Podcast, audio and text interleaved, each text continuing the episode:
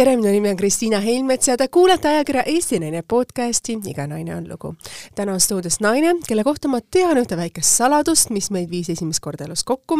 mina olin viieteistaastane Tallinna Prantsuse Lütseumis õppiv õpilane ja tema oli siis alles näitlemist lõpetav tudeng, ühesõnaga me osalesime koos ühe reklaami casting ul, meid valiti mõlemaid välja viimasesse vooru, mina siis kui blond esindaja, tema kui siis tumeda peaga esindaja. aga mingil hetkel helistati mulle ikkagi, öeldi, et nad eelistavad nõndanimetatud nägu, kes on ilmselgelt lootusandev noor näitlejanna ja talle mõeldakse, mitte ei mõelda, vaid ennustatakse väga suurt ja perspektiivikat karjääri. Läks natukene aega mööda, reklaam oli valmis filmitud ja tele ekraanil ma nägin ja selleks oli seesama naine, kes on meil täna stuudios. ta ei vaja sissejuhatuseks, ma arvan, mitte mingisuguseid lisalauseid ega lisasõnu, sest äh, ta on naine kui me ütleme selles mõttes, et on naine, on naine, on erinevaid naisi, on naisi, siis no kui me mõtleme, et mida see sõna naine võiks tähendada, siis temas on seda kõike, parajalt pipart, parajalt suhkrut, parajalt sellist krutskit, parajalt oskust olla selline näpuga näitav üleolev primadonna, aga kes julgeb olla ka selline malbe ja teinekord võtta vastu selliseid filmirolle või siis ka teatrietenduse rolle, mis panevad, kuidas öelda, mind saalis olijana kuulama teda nii vau. wow tere tulemast Ühe lapse ema Eesti üks armastatumaid, tuntumaid ja kasutades seda sõna uus kord, veel kord, Eesti võib öelda, mitte naine, vaid tõeline naine, tõeline Eesti naine. tere tulemast, Merle Palmiste! tere väga ilus sissejuhatus. kas sa tead seda, et me osalesime seal ühes äh, reklaamis, selles oli mingisugune mm, rong, kus sa pidid sütt tihti sellistes seksikates riietes äh, lük-, äh, nagu kuidas öelda, vist alla panema, ma ei mäleta seda, seda veel reklaami, see oli see, kus me siis konkureerisime kahekesi, ma ei tea, kas sa tead seda? ja, ja ma mõtlesin ja kui sa rääkisid, et huvitav, mis reklaam see võis olla. ja, ja siis oli jah, jah, see Eesti Raudtee Balti, ma ei mäleta, mis selle, no ühesõnaga raudteereklaam. no see oli peaaegu kolmkümmend aastat tagasi. ja, ja, ja, ja. et see oli siis see, kui sina õppisid alles, kuidas öelda, nooreks näitlejaks ja siis see oli nagu see hetk, see lihtsalt mulle jäi nagu see tollel hetkel meelde, aga tuleb välja, et sellel reklaami, kuidas öelda siis, reklaamiagentuuril või kes neist avalikult tegi või osutus vist äh,, osutusime me mõlemad tulevikus mõnes mõttes oleks võinud kahekesi teha see oleks tegelikult midagi ägedat, et ja. mõlemad noortena. aga läheme nüüd meie saate juurde edasi, sa oled välja tulnud sellise imelise teatritükiga nüüd äh, monoetendusega, mis tundub, et on praegu hästi populaarne, et neid tehakse päris palju, aga sinu oma öeldi, et et see on midagi nii kõrget taset, et seda tuleb kindlasti vaatama minna, et ma küsingi selles mõttes, et kust see idee tuli ja kust see asi tuli ja kui palju sa ise oled nagu sinna panustanud? no see idee küpses mul ammu, et ma tahtsin midagi teha, ma kunagi aastaid-aastaid tagasi mängisin ühte monoetendust, kuidas stresseerida meest ehk ahvist inimeseks. Ja see oli hästi tore kogemus selles mõttes just, et ma olen teda väga erinevates kohtades mänginud ainult matustel ei ole, aga pulmad ja peod ja õues ja asutuse pidudel ja noh, meeletu. ja nüüd ma mõtlesin, et äh, tahaks midagi teha, ei olnud sellist materjali, mis nagu oleks nagu sobilik või paneks fantaasia tööle, no see on puhtalt minu enda maitse. ja siis ma mõtlesin, et aga prooviks ise midagi teha ta on, ütleme, ta lähtub stand-up'ist, aga mm -hmm, ta täpselt. ei ole nüüd päris stand-up, et ma mikrofoniga räägin, et stand-up'il on oma reeglid, et nali, nali, tempo, tempo, nali, nali, tempo, tempo, et mina ise nimetan seda vabakavaks. ja viskan iseenda üle nalja. ja elus esimest korda ma olen laval ja ma teen, mida ma tahan ja ma ütlen, mida ma tahan, mul ei ole valmis kirjutatud teksti, et see on minu peas. kas iga etendus on siis erinev? jah, on mis on see esimene lause, millega sa alustad seda etendust? tere muidugi, siis aeg-ajalt inimesed plaksutavad, ma tänan neid, ütlen, et see võib olla tänase õhtu jooksul võib-olla viimane aplaus, siis nad plaksutavad vahel veel. aga muidu esimene lause on see, et Merle Palmiste on diiva paljude eestlaste arvates aitäh, tõtt, mina armastan ja siis läheb. ma siis kasutan, ütleme seda juhust ja, ja plaksutan selle peale, mis ilmselgelt järgneb sellele lausele. aitäh, jah aga räägime, hakkame pihta siis algusest. kust kandi tüdruk sa oled? mina olen Tallinnas kasvanud, aga isa on mul Hiiumaalt ja siis kõik oma lapsepõlve suved ma olen veetnud Hiiumaal. mis piirkonnast sa Tallinnast pärit oled ja kus sa koolis käisid? Sündinud olen ma kesklinnas. kohe Solarise kõrval oli kunagi Sakala tänaval sünnitusmaja, et ma olen seal sündinud. ja koolis ma käisin Õismäel, me elasime Õismäel. aga praeguseks see kool lammutati ära et see on nagu kummaline. Õismäel. vaata, kuidas elu muutub tegelikult. asjad muutuvad jah, jah täiesti uskumatu, ma ei teadnudki, et Nõmm, kuidas öelda, Õismäel, elades Lasna, kuidas mitte Lasnamäel, vaid selles mõttes elades tallinlasena, et seal ka kool lammutati mm. -hmm. aga milline oli sinu lapsepõlv? mul oli hästi õnnelik, normaalne lapsepõlv ja ma olen ikka mõelnud, et noh, öeldakse muidugi, et noh, laps võtab, et äh, see kõik on normaalne, nii ongi. ja mina võtsin tollal, et mul oli selline õnnelik lapsepõlv, ma ütlesin, see ongi normaalne. et kui ma kuulen, et noh, palju räägitakse, et ütleme, lapsepõlvetraumad ja asjad, siis ma alati nagu mõtlen või vahel ka, eks ole, ütlen, et ärge kadestage, et, et, et noh, minul on olnud õnnelik lapsepõlv, ega, ega see ei tähenda, et probleeme poleks olnud, et noh võib-olla liiga usaldad inimesi, no probleemid on alati, et et su vanemad kasvatasid sind järelikult sellise mõnes mõttes vatipodja sees, et äh, sa olid kaitstud kõige halva eest? ei, ma ei oska öelda, et nüüd, et vatipodja sees, ei, ei. aga mingid äh, asjad, mis meie peres olid normaalsed, see tundub, et mujal on võib-olla teine normaalsus. mis olid teie peres normaalsused, mis on mujal ebanormaalsused? mis on need detailid või asjad? no ma mõtlen, minu ema ja isa elasid terve elu koos meil ei olnud mingeid kaklusi, tülisid või noh, kõik oli kuidagi, räägiti asjadest ja noh, mul ei ole olnud ka seda probleemi, et kasuisa või kasuema või koolikiusamised või noh, ütleme sellised asjad, jah. kas need on väga tähtsad, olulised asjad, kui sa kasvad lapsena üles, et sul oleks terviklik pere ja ümber oleks nagu kõik hästi? Mm.. sest täna on seda ju nii vähe, et mida aeg edasi, seda rohkem on ju meil kärgperesid, seda rohkem on ju perekondi, kus me peame lastena üles kasvama eraldi ja seda rohkem on ka võib-olla sellist näpuga näitamist ja kiusamist ja neid elustandardite väga diferentseerimist on ju, tuleb ainult juurde. jaa, aga ma arvan, et noh, lapsena me ei saa valida, kuhu perekonda me sünnime, aga isa, igas asjas on oma plussid ja miinused mõnes mõttes, et kui sul on raskem lapsepõlv, ta annab sulle eluks väga suure pagasi. et, et see on nii ja naa. milline oli su ema? meil oli alles emadepäev siin ah. nädalapäevad tagasi ja milline oli su ema? minu ema on väga tore. minu ema on minu jaoks maailma parim ema. mis teeb tast maailma parima ema? armastus. mismoodi see väljendus? kõiges mis see tähendab kõiges? ma tahan öelda, et, et selles suhtes, kui me räägime tingimusteta armastusest, siis ema armastus on tingimusteta armastus või kõige lähemal sellele. ma tean, et ma kunagi mängisin, mul oli üks töö, ma mängisin naisvangi mm. -hmm. ja siis ma nagu uurisin mingeid materjale ja mingeid raamatuid lugesin ja sealt jäi kõlama küll see, et, et kui ütleme, laps satub seal seadusega pahuksisse ja noh, ütleme, on ikka karmid kuriteod ja läheb vangi, siis tihti on nii, et tema kas elukaaslane, kas tema lapsed, isa, kõik, noh, võib olla nii, et ütlevad temast lahti, aga ema jääb saad aru, mis ma mõtlen, ma võib-olla natuke ja. väljendasin ennast segaselt, et ei, ma saan aru selles mõttes et ma... ema armastus on, kui me räägime nagu üleüldiselt, siis kõige lähemal tingimusteta armastusele.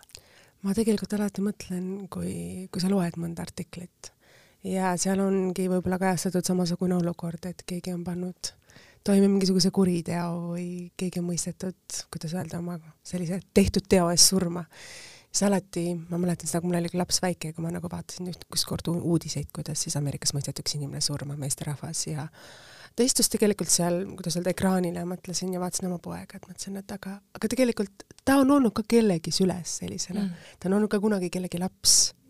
keegi on teda niimoodi tingimusteta armastanud, et nii keeruline naljakas mõelda, et me kunagi võib-olla jõuame sinna hetke, et me teeme midagi, mis on ühiskonna jaoks selline, et sind, kuidas öelda, mõistetakse olukorda et sa pead siit, kuidas öelda, või lah-, et sa pead siit olukorrast nagu lahkuma siit Jah. maailmast.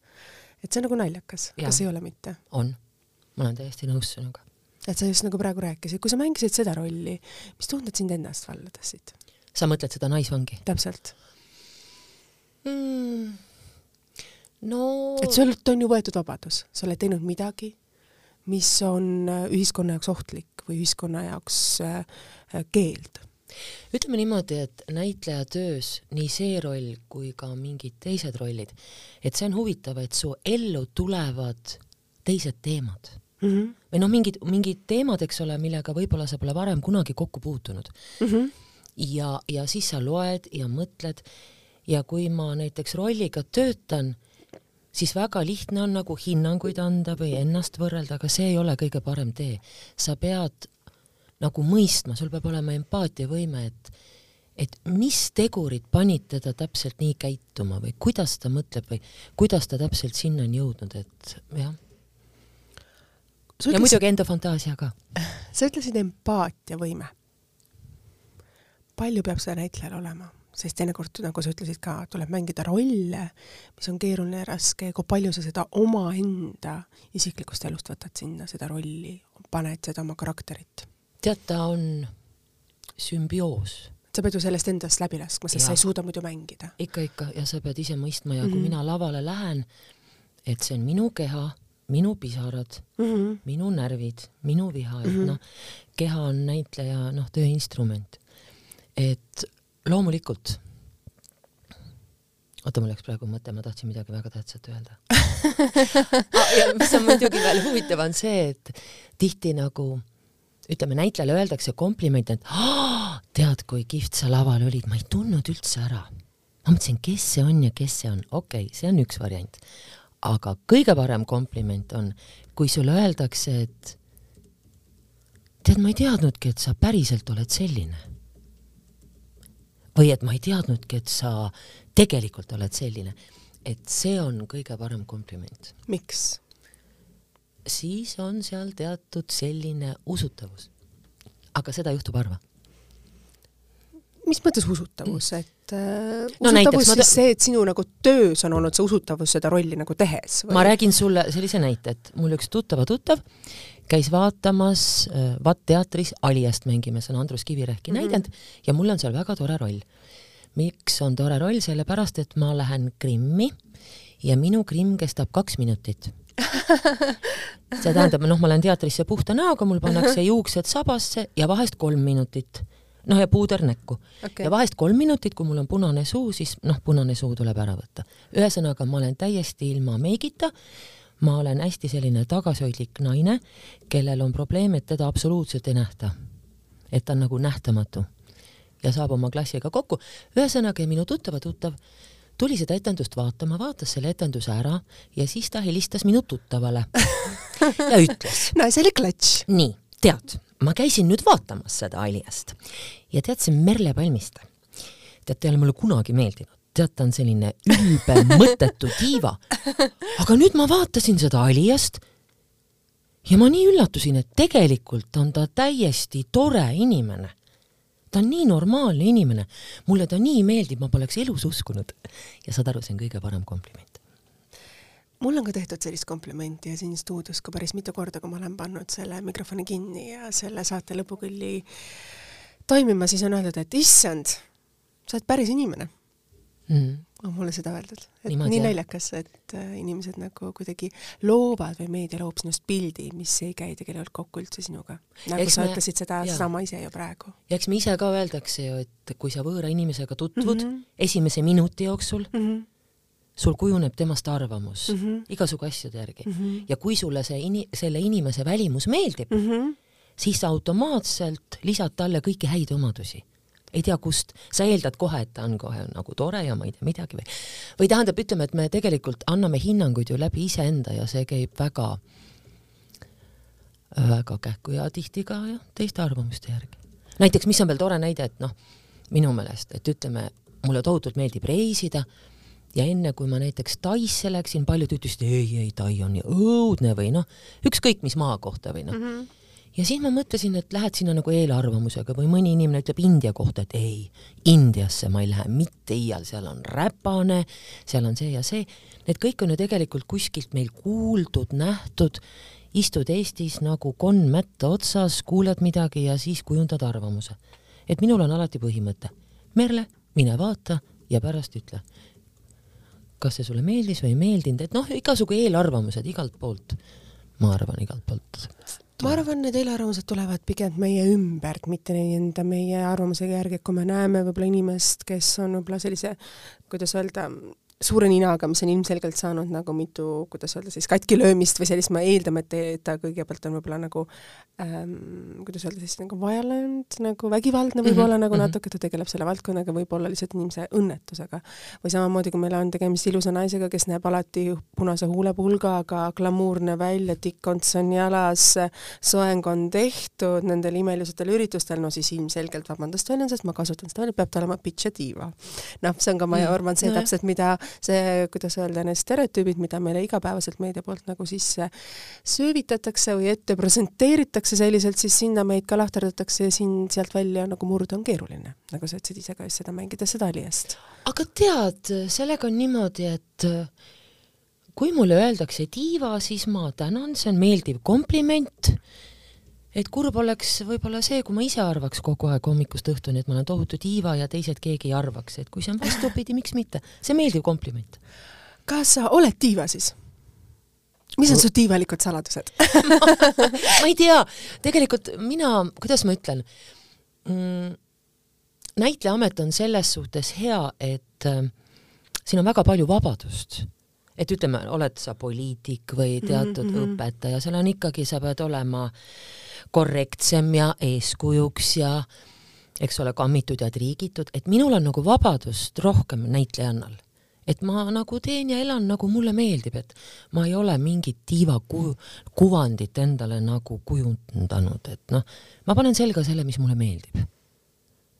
ja näiteks, kui mul on peaproovid, vabandust, ma köhatasin, siis noh tormad teatrisse, on väga pingeline, sa hoiad igalt poolt energiat kokku, no siis ma tuiskan mööda linna, juuksed püsti ja dressid seljas. Ja nii lihtsalt on. Väga järge ülestunnistus.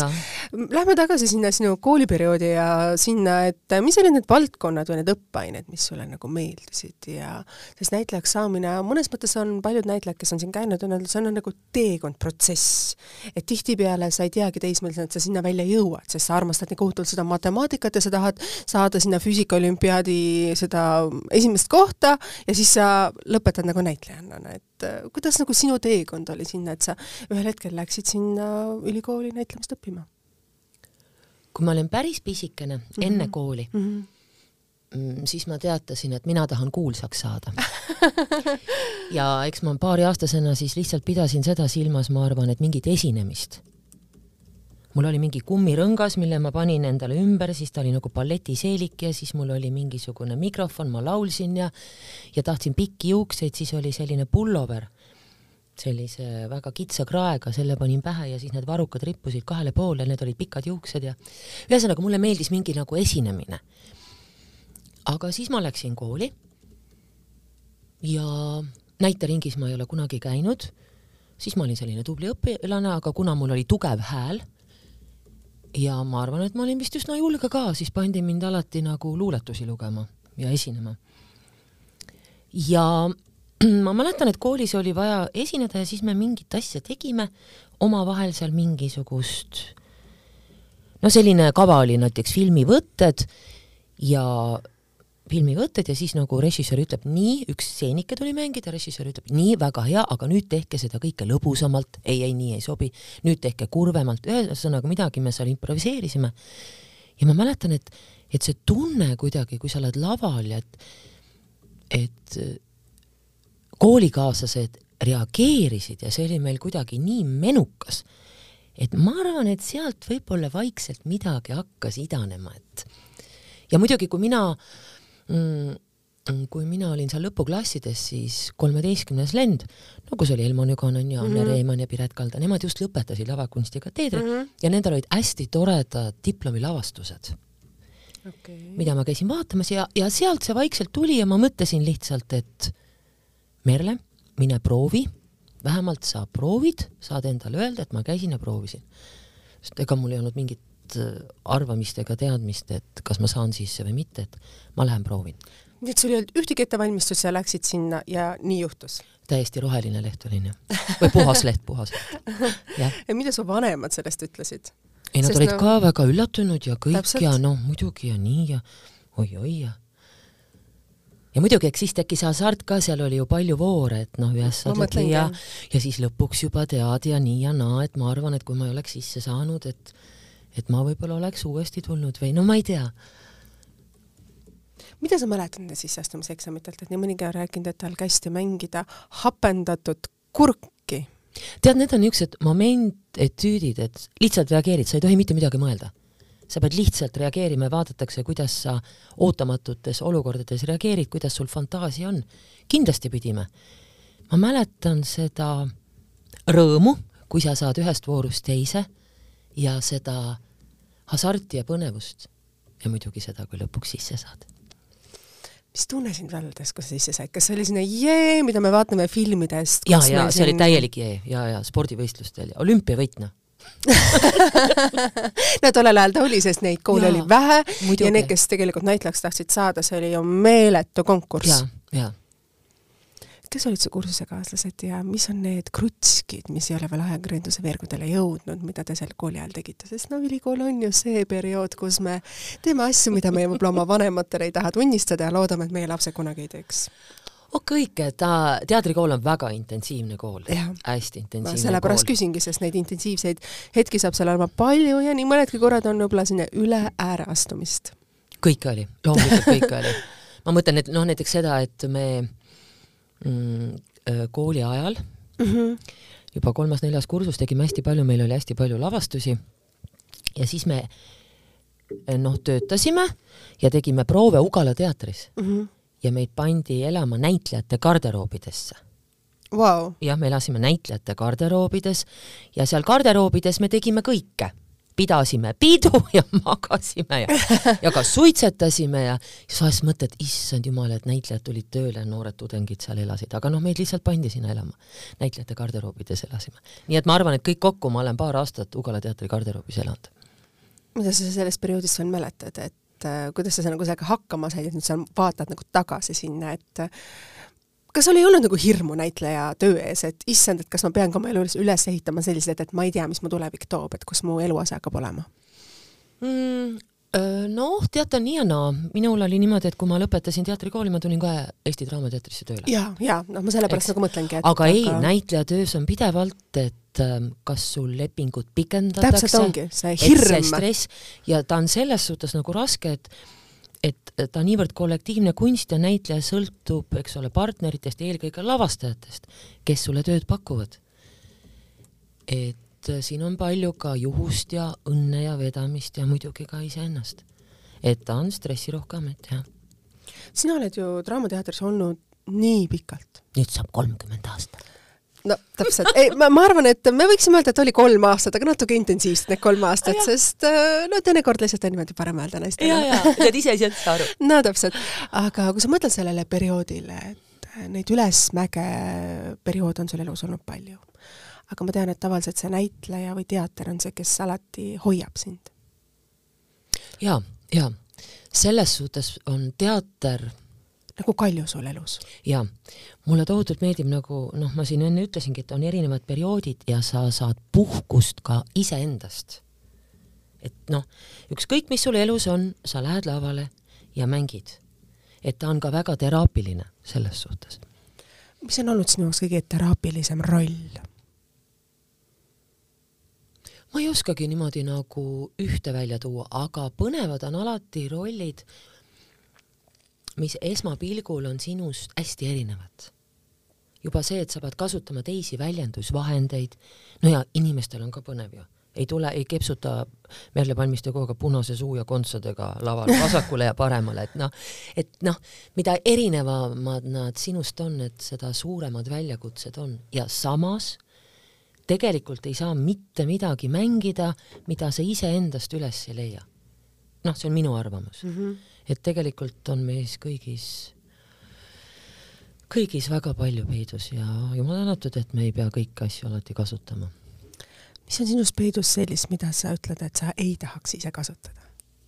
kui sa ütled, et meis kõigis on peidus teinekord asju, mida me ise ei tahaks kasutada. no näiteks, kui minu lähedastele keegi teeks liiga mm. -hmm. ma olen täiesti valmis selle inimese maha lööma aga noh, ma ei tea, kas ma pihta saaks, eks ole, no see on teoreetiline, eks ole, sellised asjad. et loomulikult, et see tumedam must pool loomulikult on, loomulikult, aga jumal tänatud, et see on kontrolli all, et, et ei ole elus olnud selliseid, ma ei tea, kuidas öelda siis noh, et ta ei ole võimendunud, aga loomulikult on olemas, loomulikult. Vähemalt jõud minu, vabandust, vähemalt minus küll.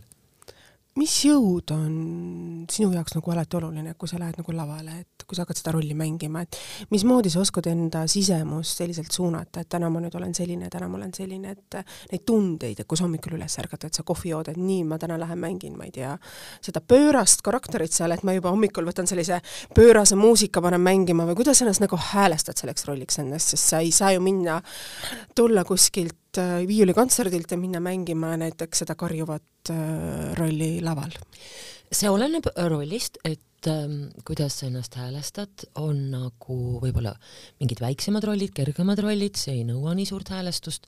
muidugi sul kujuneb välja oma rütm, mis kell sa teatrisse lähed, mis kell sa Krimmi lähed, mida sa enne etendust teed, aga mis puudutab nagu suuremaid, raskemaid rolle, siis on niimoodi, et väga hea on, kui on võimalus lõunal magada tunnikene ja sa kuidagi alateadlikult hoiad energiat, natuke mõtled selle rolli peale, et kuidagi niimoodi jah, valmistud. mis on sinu jaoks, kuidas öelda, need äh, enda jaoks vajalikud naiselikkuse nipid või trikid, et kui sul on enda jaoks nagu aega või, ja palju sa seda saad üldse oma näitlejatöölt nagu kõrvalt nagu võtta? Perioodid on erinevad, vahest on väga tihedad perioodid, aga siis tead, see tuleb üle elada, siis Mhm. tuleb jälle rahulikum periood. mm. -hmm. et kuidas seda tasakaalus hoida? seda ei saagi tasakaalus hoida. et aeg-ajalt See- võidki lubada endale seda, et sa oled tasakaalust väljas, sa oled see emotsioonide, kuidas Jaa. öelda, keeri sees ja sa Jaa. lubad endale võib-olla natukene mõne halva sõna ütlemist ja tegemist, et see on okei okay. no see lihtsalt on, et, et kuna teater on nii kollektiivne ja tihti on nagu elus on ikka, kõik asjad on korraga mm. -hmm. et, et siis lihtsalt sa pead ennast noh, endale aru andma, see ongi praegu stressirohke ja kõik, et see läheb mööda. oleks, et ta niimoodi jääbki, et ja siis ongi teatud perioodid lihtsalt, kus nagu tippsportlane pead ennast kokku võtma. aga kui inimesed on su ümber, kuidas nad sellele reageerivad, et sa võid ju haiget teha teistele? jah, näiteks ma olen aru saanud, et kui ma olen ütleme siis tasakaalust väljas või vajaks rohkem und või puhkust mm, mm. -hmm. ma lähen väga kriitiliseks. muidu ma olen suhteliselt nagu tolerantne inimene, et ma olen rahulik, aga siis ma võin nagu väga kriitiliseks minna ja nähvata, et siis ma saan aru, oot-oot-oot, Merle, sa vajad puhkust. mis Ja on uni,, mis on sinu jaoks puhkus, uni? uni ja vaikus.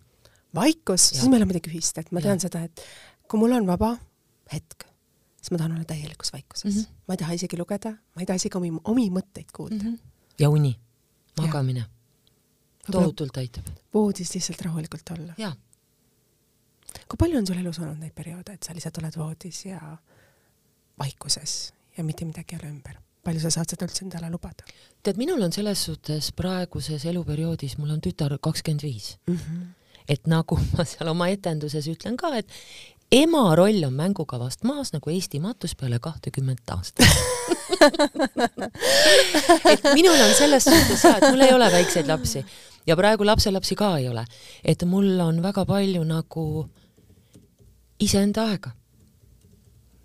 et kui Elizabeth oli väike, ma mäletan, et see tants ja trall, mis kogu aeg käis hommikust õhtuni, kõike oli palju, see oli ka tore. et kuna see periood on elus olnud, siis naudid seda, et praegu on nii. Sa ütlesid, et see periood on nagu sinu jaoks nagu möödas, aga mida sa mäletad, milline ema sa olid? mm. kindlasti mitte tüüpiline ema. selles suht-, või ma ei tea, mis asi on tüüpiline ema, eks ole, kõik on suhteline.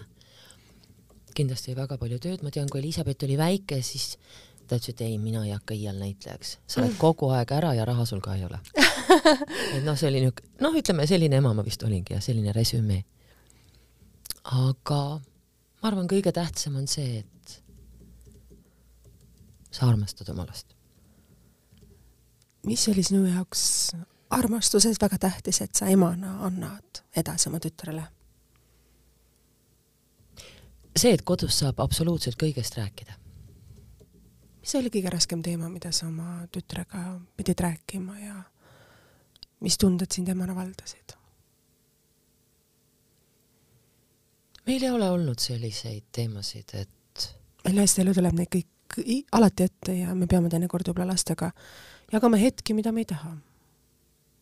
ei, seda muidugi, et ütleme, mis puudutab avalikku avalikku elu ja ütleme, kui ilmuvad igasugused artiklid, siis ma mäletan küll, et noh, ütleme, kui Elizabeth oli väike, siis mingi artikli peale ta nutis lahinal, sest ma ei taha kooli minna või ma ei julge kooli minna. Ja siis tõmbas küll seest nagu kreis aega. et ise nagu tead mm, -hmm. sa võtad, et asi on nii või asi on naa mm. -hmm.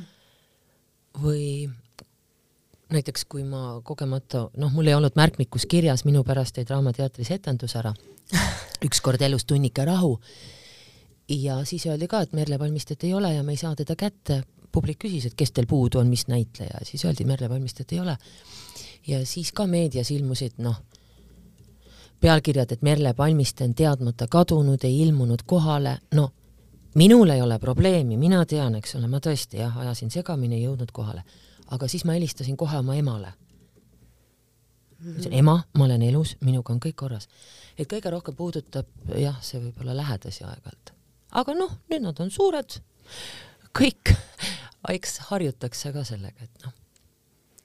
kui palju on endal sul tulnud nutta, kui sellised asjad on tulnud avalikuks ja sa tead, et see ei ole tõde, aga sa pead sellega hakkama saama, et sa tead, mis on tõde, aga sa ei saa seda, mis avalikkuse eest teeb, paisati ümber lükata tead, aeg-ajalt muidugi, kui niisugused asjad juhtuvad, need puudutavad ja nutad.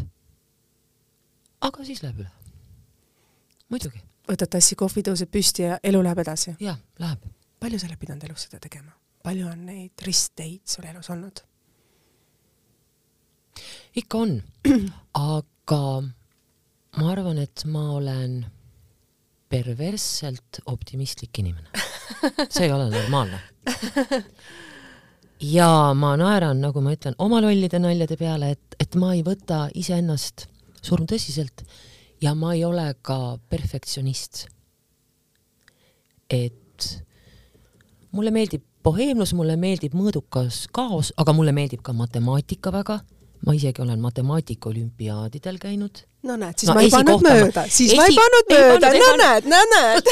ei, ei, ma esi... oli väga õige, et sa oled see näitleja, kes tahtis saada midagi muud ja siis hopsti oli välja valitud. füüsikat ma ei sallinud, füüsikat ma ei sallinud, isa ütles, kuidas sa elad, kui sa ei tea, kuidas mootor töötab, sa ei saa niimoodi elada. aga see täpsus või see selline, see mulle meeldib jah. et selles suhtes jah no näed, nii et ma ei pannud oma, kuidas öelda, sissejuhatuses palju, palju ka nagu mööda, nii et tihtipeale see täpsus, mida me last, lapsena kuidas öelda, armastame või see distsipliin, mis on üks osa meie elust, mis tuleb meil endal seest, on see, mis meid, meid viib elus tegelikult edasi, et kui need rasked hetked on, siis me suudame ennast fokusseerida, distsiplineerima, distsiplineerida selle ühe eesmärgi nimel, sest me oleme harjunud, see on ja, osa meist. jah, täiesti nõus. mis on matemaatikas, mis sulle meeldis seal? Kas sa arvud ei ada, et istuda ja et sa saad nagu kindla tulemuse või mis oli see matemaatikas, mis sulle meeldis? see süsteem ja täpsus ja kui sa lahendad mingit võrrandit ja pusid ja pusid ja siis lõpuks tuleb see õige vastus, see kompvek et saad aru, see mingisugune korrastatuse tohutu jõud mulle meeldis see lahenduskäigu protsess ja leida nagu nende asjade kokkupanemine, aga ma tihtipeale panin selle vale vastuse, sest kuna see vastus ei olnud minu jaoks enam oluline, vaid Aa. minu jaoks oli see protsess oluline okay.. mina jälle mul... tahtsin vastust, et Vaat, kõik kokku jookseks. vot minu jaoks ongi see asi, et ma võin teha koodalt palju asju ära, aga ma jätan selle teinekord i-le täpi panemata mm. -hmm. et see paneb mulle, kuidas öelda, teinekord mängib kaardid minu vastu Hmm.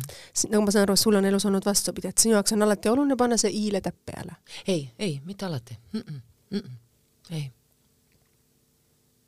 ja võib-olla see puudutab minu tööd ka, et selles suhtes, et näitlemine ja üldse teater, ta on ju niivõrd subjektiivne.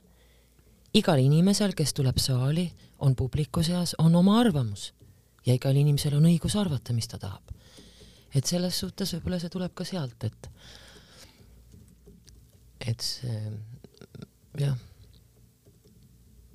ei ole mingit täiuslikkust või õigsust või, või kuidas ma seda väljendan sa rääkisid oma tütrest nii ilusasti, ütlesid, et aeg-ajalt sul oli tunne, et Grace Saag käis sinust läbi. et mis on need väärtused, mida sa oma tütrele edasi andsid, et kui su tütar ütles sulle, et sa oled näitleja ema, see on midagi, mida ma ei taha kindlasti oma elus teha, sest raha pole ja sind ka pole mm. -hmm. et aga mis on need väärtused, mida sa alati pidasid oluliseks emana, et sa annad need edasi oma tütrele? ma ütlen, kõige tähtsam oli see, et, et kodus absoluutselt kõigest võib rääkida. ja oma muredest ja asjadest ja kodus võib tunda ennast vabalt. täpselt nii, nagu oled ja mida tahad. et muidugi, no sa võid ju igasugu asju oma lapsele rääkida, eks mm, -hmm. aga aga need reeglid, need ole... reeglid võib-olla või sõnad, mida sa oma emalt võtsid, ma just pidasin seda silmas, et see, et sa ütlesid lapsele, et kodu on alati see nagu sinu süda ja pühamu, aga see laps peab minema looma mingil hetkel oma kodu. aga need väärtused, mis ta, millega ta oma kodu alt, nagu kodu põhjaks paneks, mis tulevad meile tegelikult kaasa, kui me saame emadeks alles ju et mis on olnud võib-olla need õpetussõnad, mida sinu ema on alati sulle öelnud ja mida sina kordad oma tütrele? tead, meie peres vist selliseid õpetussõnu ei olegi. et oli vaba valik? selles suhtes, et äh, mm, kui me räägime nagu lapse kasvatamisest või ütleme tütar, et äh, me oleme piisavalt erinevad ja võib-olla mõnes mõttes ka väga sarnased, et noh, sa pead teist respekteerima, et, et noh, meil ei ole nagu peale surutud mingeid asju või noh, väga soovitatud, vaid sa pead ise vaatama, mis ja kuidas, mis sulle sobib. aga see toeks olemine küll, ma arvan, et sellele küsimusele võib-olla oskaks Elizabeth palju paremini vastata. Ja tihti on ka nii, et sa võid ükskõik mida rääkida, nad vaatavad, kuidas sa käitud võib-olla ja mingid tarkused, mis on nagu väga huvitav, tulevad siis või sa mõistad oma ema palju paremini, kui sa saad ise emaks naisena. ma sellepärast küsisingi, täpselt. ja siis tulevad kuskil kukla tagant täpselt. mingid asjad, mille peale mitte mingid traumad või asjad, need võivad mingid pisiasjad olla, lihtsalt ujuvad välja, mida ema on sulle öelnud või kuidagi jah, et need on niisugused huvitavad asjad. et kui sa ise emaks saad, siis hakkad oma ema kuidagi teistmoodi vaatama, jah. kas sa mäletad seda etendust, kui sa läksid esimest korda lavale? Draamateatris koosseisulise näitlejana, et sa olid ju enne teinud ju ülikoolis ja erinevaid näiteetendusi kindlasti väga palju, aga esimest korda, kui sa läksid päris palgalisena, päris teatris, päris töökohaga. jaa, see oli mis etendus see oli? tabamata ime. ja mida sa mängisid seal? Jutat ja see minu meelest see oligi kolmkümmend aastat tagasi mais, nii no, et me läksime viimasel mm -hmm. kursusel, eks no, ole, meid võeti ja, ja. juba siis nagu mm -hmm Valgale vist ja see oli esimene lavastus mm -hmm. siis proffidega Draamateatris, et jah, tabamata imejuta. mis sa mäletad sellest teatrist, et kui sa sinna läksid ja et sa teadsid, et see on nüüd sinu kodu ja saab võib-olla olema väga pikaks ajaks, et kes olid need nimed, mis panid sinul noore tütarlapsena või siis noore näitleja hakatisena põlved värisema? No kodu nagu ei saa öelda, sellepärast et ta oli pigem nagu pühamu või selline kirik või kunstitempel ja absoluutselt kõik need inimesed, kes teatris töötasid, tohutu aukartus oli. kes oli võib-olla see näitleja, kes oli vanema, vanemast põlvkonnast, generatsioonist, kes oli sulle eeskujuks? Sest me kõik otsime endale eeskujusid, me kõik otsime endale inimesi võib-olla, kellega kontakti saada, et me ju mõnes mõttes kardame või ei tea, kuidas ju teha neid oma samme ja alati see, kui sa kahtled oma otsustes, siis tuleb võib-olla keegi paneb sulle käe õlale, ütleb sulle ühe sõna, mis annab sulle rohkem julgust kui võib-olla aasta aega õpitud kursus. hästi toetavad olid vanemad kolleegid kõik, kellega sa nagu noh, etenduses kokku puutusid, et seda oli palju. Ita Ever muidugi, Lembi Tulsak, Maria Glenskaja ma olin noor näitleja, aga kes on mulle kuna väga-väga-väga meeldinud, aga kellega ma ei ole elus kokku puutunud, Ants Eskola ja Rein Aren. võib-olla Rein Aren meenutas mulle väga mu isa, oma kuidagi tüübilt ja välimuselt, et milline su isa oli siis? imeline isa. Isa oli mul selline, isal oli üks selline juhtmõte, et las laps teeb, mis laps tahab, peaasi, et laps ei nuta ei, hästi tore, hästi tore ise. aga kui sa teismelisena ukse paugu, uksi paugutasid ja kuidas öelda, on meil just ennem eelmises saates olnud, öeldi, et noh, see teismeiga võib-olla keskmise näp-, sõrmenäpuga näitamisega peab ju tulema meil kõigil mingil hetkel ka vanemana üle elada, et mis su isa siis tegi, kas ta ütles ka siis peaasi, et laps ei nuta? tead, ma ei olnud, mul läks suht-koht lihtsalt see puberteet et ma eri, ega ma eriti ei hüsteerinud või ma ei mäleta, võib-olla mälu mängib vingerpussi, eks. et ma ei mäleta, aga, aga mul nagu sellist tohutut mässuperioodi või kuidagi, et keegi mind ei mõista või kogu maailm või noh, või olen ma lihtsalt ära unustanud. mulle meeldib mõelda, et pikaealisuse saladus on hea tervis ja lühike mälu. ei mäleta. halbu asju ei ole vaja mäletada tegelikult sa ütled väga õigesti, et äh, see on meie otsus, kuidas me oma elu üles ehitame kas me ehitame seda kibestunult, võttes kaasa kõik selle halva ja määrides alati kõigi inimeste peale, keda me mm -hmm. alati näeme ja kohtame ja võtame ja seame eelarvamused nende järgi, selle, selle halva järgi. või me alati mõtleme, et me saame alati alustada uuesti, keerata uue lehekülje ja olenemata, mis su elus tuleb ja kuidas sa, kuidas endale otsa vaatad, vaatad, et see on uus inimene, uued asjad ja see, mis oli, on olnud ja see jääb minevikku. on ju hästi tore ütlemine, et õnnelik olemine on iseenda otsus olen Õige. õnnelik ja kõik. me otsime seda ja käime ja, õnnekursustel ja see on ja. nagu midagi väljaspoolt ja see sõltub hästi teistest. partner teeb nii või laps käitub hästi, siis ma olen õnnelik või ma ei tea, valitsus vahetub või no mida iganes, eks ole. see on minu otsus. kuidas olla õnnelik välistest teguritest sõltumata? ma ei tea vastust, aga just tahtsin küsida, et mis on ei, sinu see seda ma ei tea, see on ühes filosoofia raamatus, ma ei mäleta, kes see tuntud filosoof oli, kes niimoodi ütles, aga mind on jäänud see kummitama. kuidas olla õnnelik välistest teguritest sõltumata? mis on see raamat, mis on sind elus mõjutanud? Ma mäletan, mina lugesin, enne lütsimisse minekut tuli lugeda teatud raamatud läbi ja kuna mina võtsin alles neljapäeva õhtul otsuse vastu, et ma nüüd laupäeva hommikul lähen eksamile, siis kuna kõik ümberringi läksid, siis raamat, mida ma pidin lugema Europea sarjast ja mis mulle anti, oli Väike prints. jaa, Väike prints, jaa ja.. aga mis on see raamat, mis on sind mõjutanud? Fjodor Dostojevski Idioot saad aru? mis on need mõtted, mida sa kuidagi sealt enda ajusse oled salvestanud ja aeg-ajalt, kui sul on raske, siis need on ju tegelikult need mõtted, mida sa endale meenutad, kui sul on raske. Ma ei oska niimoodi öelda, et, et ütleme, kui ma võtan Fjodor Dostojevski idioodi, et mingid mõtted, aga ma mäletan seda tunnet, seda elamust. Mm. -hmm, kui ma seda raamatut lugesin, et see elamus, raamatu lugemise elamus oli niivõrd füüsiline, füsioloogiline, et ma loen seda ja mul on selline tunne, nagu minu sees sõidaks lift üles ja alla, et seal tekib, noh seal tekkisid sellised emotsioonid, et ta läheb nii kõrgetesse sfääridesse ja samas ta läheb täiesti alla, põrgupõhja välja. mäletan seda tunnet ja ma ei kujuta ette, et ma vahepeal mõtlesin, et peaks praegu uuesti lugema. sellest on ju mitukümmend aastat mööda läinud, et maailm on muutunud, ma ise olen muutunud, et huvitav, kuidas ma nagu praegu loeks. ja muidugi mul on, mul on üks tore näide on raamatuga, et ma ei mäleta, mis raamat see oli, et ma lõin raamatu lahti, vaatasin mm. -mm, ei ole minu raamat, mõttetu raamat, seda raamatut ma ei loe. nii, läks mõni aeg mööda mm -hmm. ja millegipärast sattus mulle täpselt seesama raamat uuesti kätte mm. -hmm see nii-öelda mõttetu raamat, mille kohta ma olin öelnud mõttetu raamat. löön selle mõttetu raamatu lahti, loen, vaatan issand, kui hea, oi kui hea, oi kui hea. Ja siis hakkad mõtlema, raamat on raamat, täpselt sama mm, -hmm. kui palju oleneb endast et mis teemad sind huvitavad, kus kohas sa oma eluga hetkel oled, noh, mida iganes, et noh, et, et see oli selles suhtes nagu huvitav kogemus jah, et jah. sa ütlesid väga olulise lause praegu. kus ma oma eluga olen, kus oled sina oma eluga täna hmm.? no ma ei tea. Mulle meeldib äh, mõelda et kui me vaatame sajaaastase perspektiivist mm, -hmm. siis mhm. täpselt keskel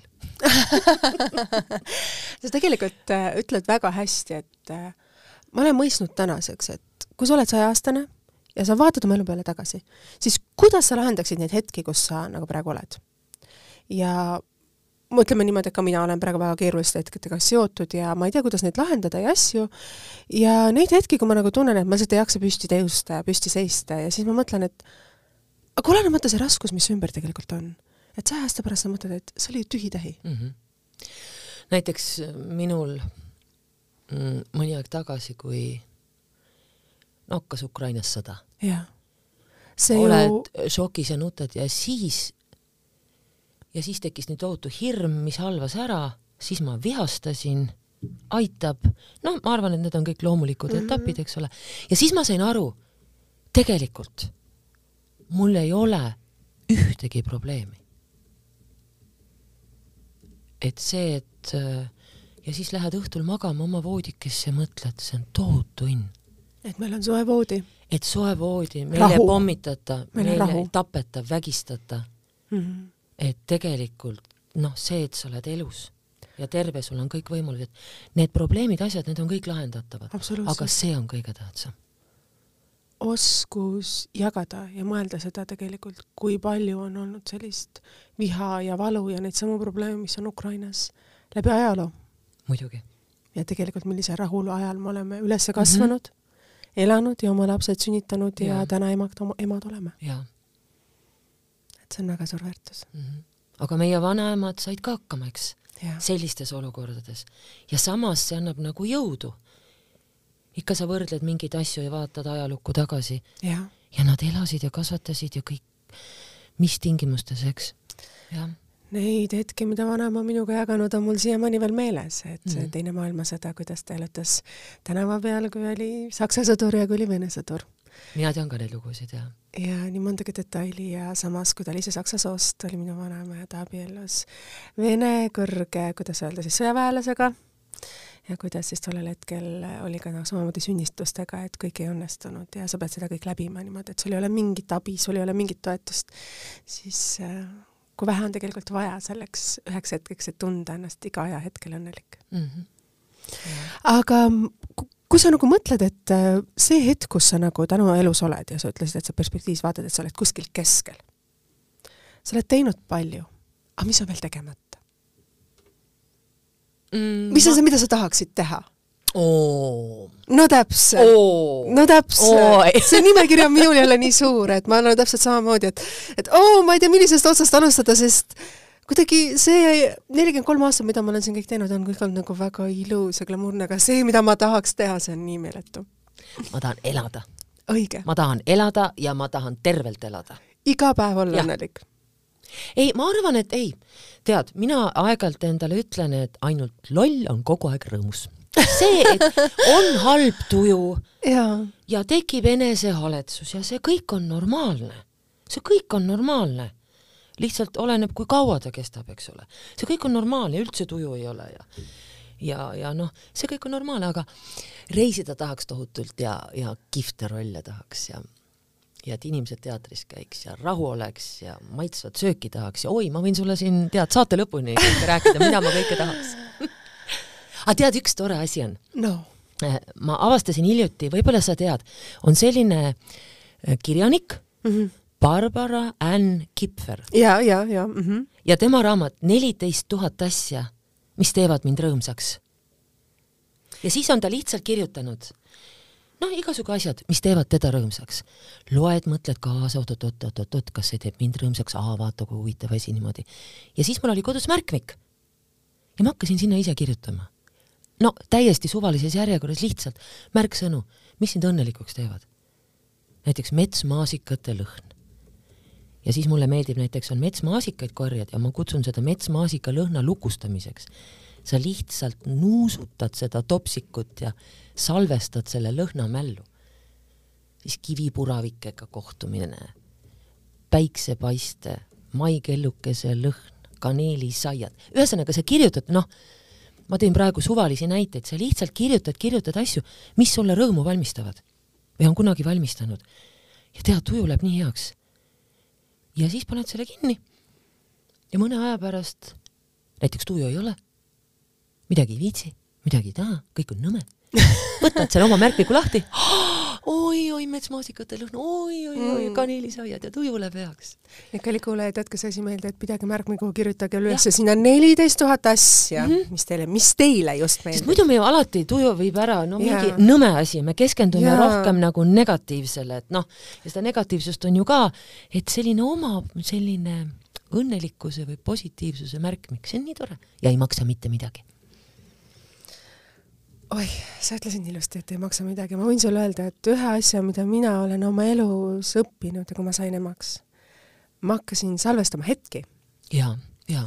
et kui see laps oli mul süles, siis ma panin silmad kinni korra ja tegin uuesti lahti, panin uuesti silmad kinni ja tegin uuesti lahti ja ma salvestasin niimoodi selle hetke mm. -hmm. ja aeg-ajalt, kui mul on raske või keeruline, siis ma mõtlen nende hetkede peale tagasi. jaa mm. -hmm et see on nagu selline varasalm, mis ma olen oma elus nagu loonud, mille ma aeg-ajalt nagu kasutan. nii et jaa, soovitan tuttava, mitte tuttavat, vaid teil kallid kuulajad seda samamoodi teha, et salvestage neid hetki, sest te kunagi ei tea, see ei pruugi mitte kunagi enam tagasi tulla.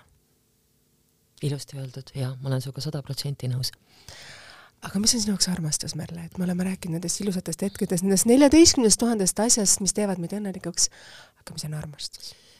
See on väga hea küsimus ja kui ma sulle oskaks täpselt vastata, ma oleks geenius võib-olla see on see asi, mis on, no saad aru, see ongi see asi, mida, mis on elus kõige tähtsam, mida me kogu aeg otsime ja midagi, mida me millegipärast ei oska defineerida. ja ma arvan, et see armastuse mõiste mõnes mõttes on ka erinev, mis komponendid seal on. aga samas on see tunnetuse asi, no kõige ilusam asi maailmas väga ilusasti öeldud, nii et aitäh teile, kallid, aitäh Merle, et sa tulid saatesse, aitäh teile, kallid kuulajad, et olite selle äh, viiskümmend kaks minutit meiega. Läks saade pikemalt, nagu sa küsisid, Merle, et kaua me oleme, see on nagu selline pluss-miinus viiskümmend minutit ja nii see saade on, viiskümmend minutit on meil siin tunnikene olnud siin, siin stuudios, nii et veel kord aitäh, Merle, et sa tulid ja aitäh, et sa jagasid neid intiimseid hetki, armastus on elus olus, ta on elu alus. Ja need sinna juurde lisada need neliteist tuhat asja, mida me tahame elus teha, siis see ongi meie elu ja aitäh kutsumast, sinuga oli väga tore vestelda saade on ikka saadaval Spotify's, taskudelfi keskkonnas ja SoundCloudis ja kohtume teiega juba nädala pärast uute teemadega, uue naisega ja uute neljateistkümne tuhande hetkega meie elus. kõike head!